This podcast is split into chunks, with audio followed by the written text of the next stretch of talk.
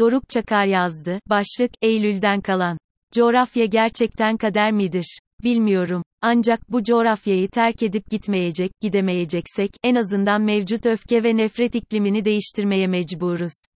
Eskiden bu mevsimde sonbahar depresyonuna girilirdi. Kitap, kahve, sarı yaprak, battaniye, metaforları etrafta uçuşur. Yüzyıllık bir klişe olarak da, hüzün, kokardı bu mevsim.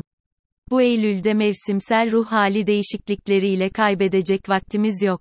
Zaten profesyonel desteğe ihtiyaç duysak bile iç talebi karşılamada sayıca yetersiz hekimlerimiz hızla yurt dışına ihraç edildiği için işimiz sosyal medyada çoğu sözde olan danışman ve uzmanlara kaldı. Hemen her platformda birbirini taklit eden tavsiyeler listesi de içinde bulunduğumuz dönem itibariyle pek uygulanabilir değil. Örneğin, bir hobi edinin tavsiyesini sık görürüz. Hobi malzemelerinin fiyatlarına hiç değinmiyorum ama yoğunluktan, hesap kitap yapmaktan, mesaiden vakit bulursak hep birlikte toplanıp kartondan ev yapalım. Doğada yürüyüş de sonbaharda önerilen etkinliklerden. Doğa bulursak yürürüz elbet. Ormanlar madene, yeşil alanlar AVM'ye zeytinlikler ranta DÖNMESE yurdumda, yürüyüş yapacak bir alana rastlarız belki. Sağlıklı beslenin, diyenler de her yerde. Şekerin, yağın indirimde olduğu marketlerdeki izdihamdan sağ kurtulanlara söyleyin de toplanıp hormonsuz domates, organik tavuk almaya gidelim. Okullar açıldı bu ay, silgiler bile eskisi kadar güzel kokmuyor.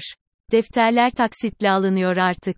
Ders kitaplarını ücretsiz veriyoruz cümlesini, reklamı atla, deyip geçelim artık. Ekonomi temel bir sorun ama tek mesele değil. Yukarıdan aşağıya sirayet eden gerginlikler silsilesi, sonbahar huzursuzluğuna ekleniyor. Dillendirilmese de Atina'da cuma namazı kılarız kıvamına gelen cümleler kulaklarımıza yansıyor. Bir gece ansızın, savaşa değil de tatile, pikniğe, konsere gidebilsek ne hoş olur. Konser meselesi de kanayan bir yara. Kış bastırmadan açık havada müzik dinleyip eğlenme hevesimiz, bazı hassasiyetler nedeniyle kursağımızda kalıyor. Festivaller, konserler birer birer iptal edilip yasaklanırken, insanların en kişisel alanlarına koca burunlarını sokmayı kendine hak görenlere Saraçhane'nin kapıları sonuna kadar açıldı. Kendine benzemeyene nefret kusmanın otorite eliyle destekleniyor oluşunun yarattığı tehlike umarım herkesçe malumdur.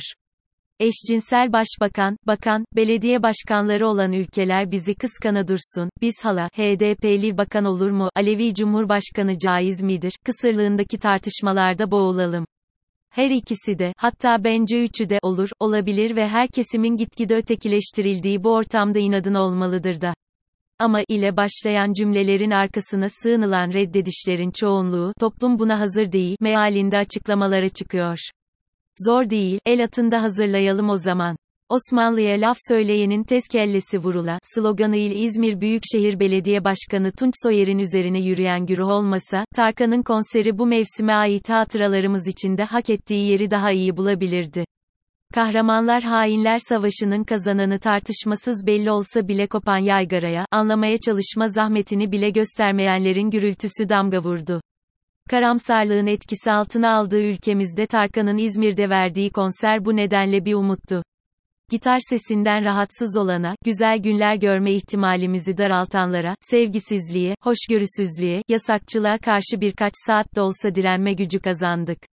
Coğrafya gerçekten kader midir? Bilmiyorum. Ancak bu coğrafyayı terk edip gitmeyecek, gidemeyeceksek, en azından mevcut öfke ve nefret iklimini değiştirmeye mecburuz.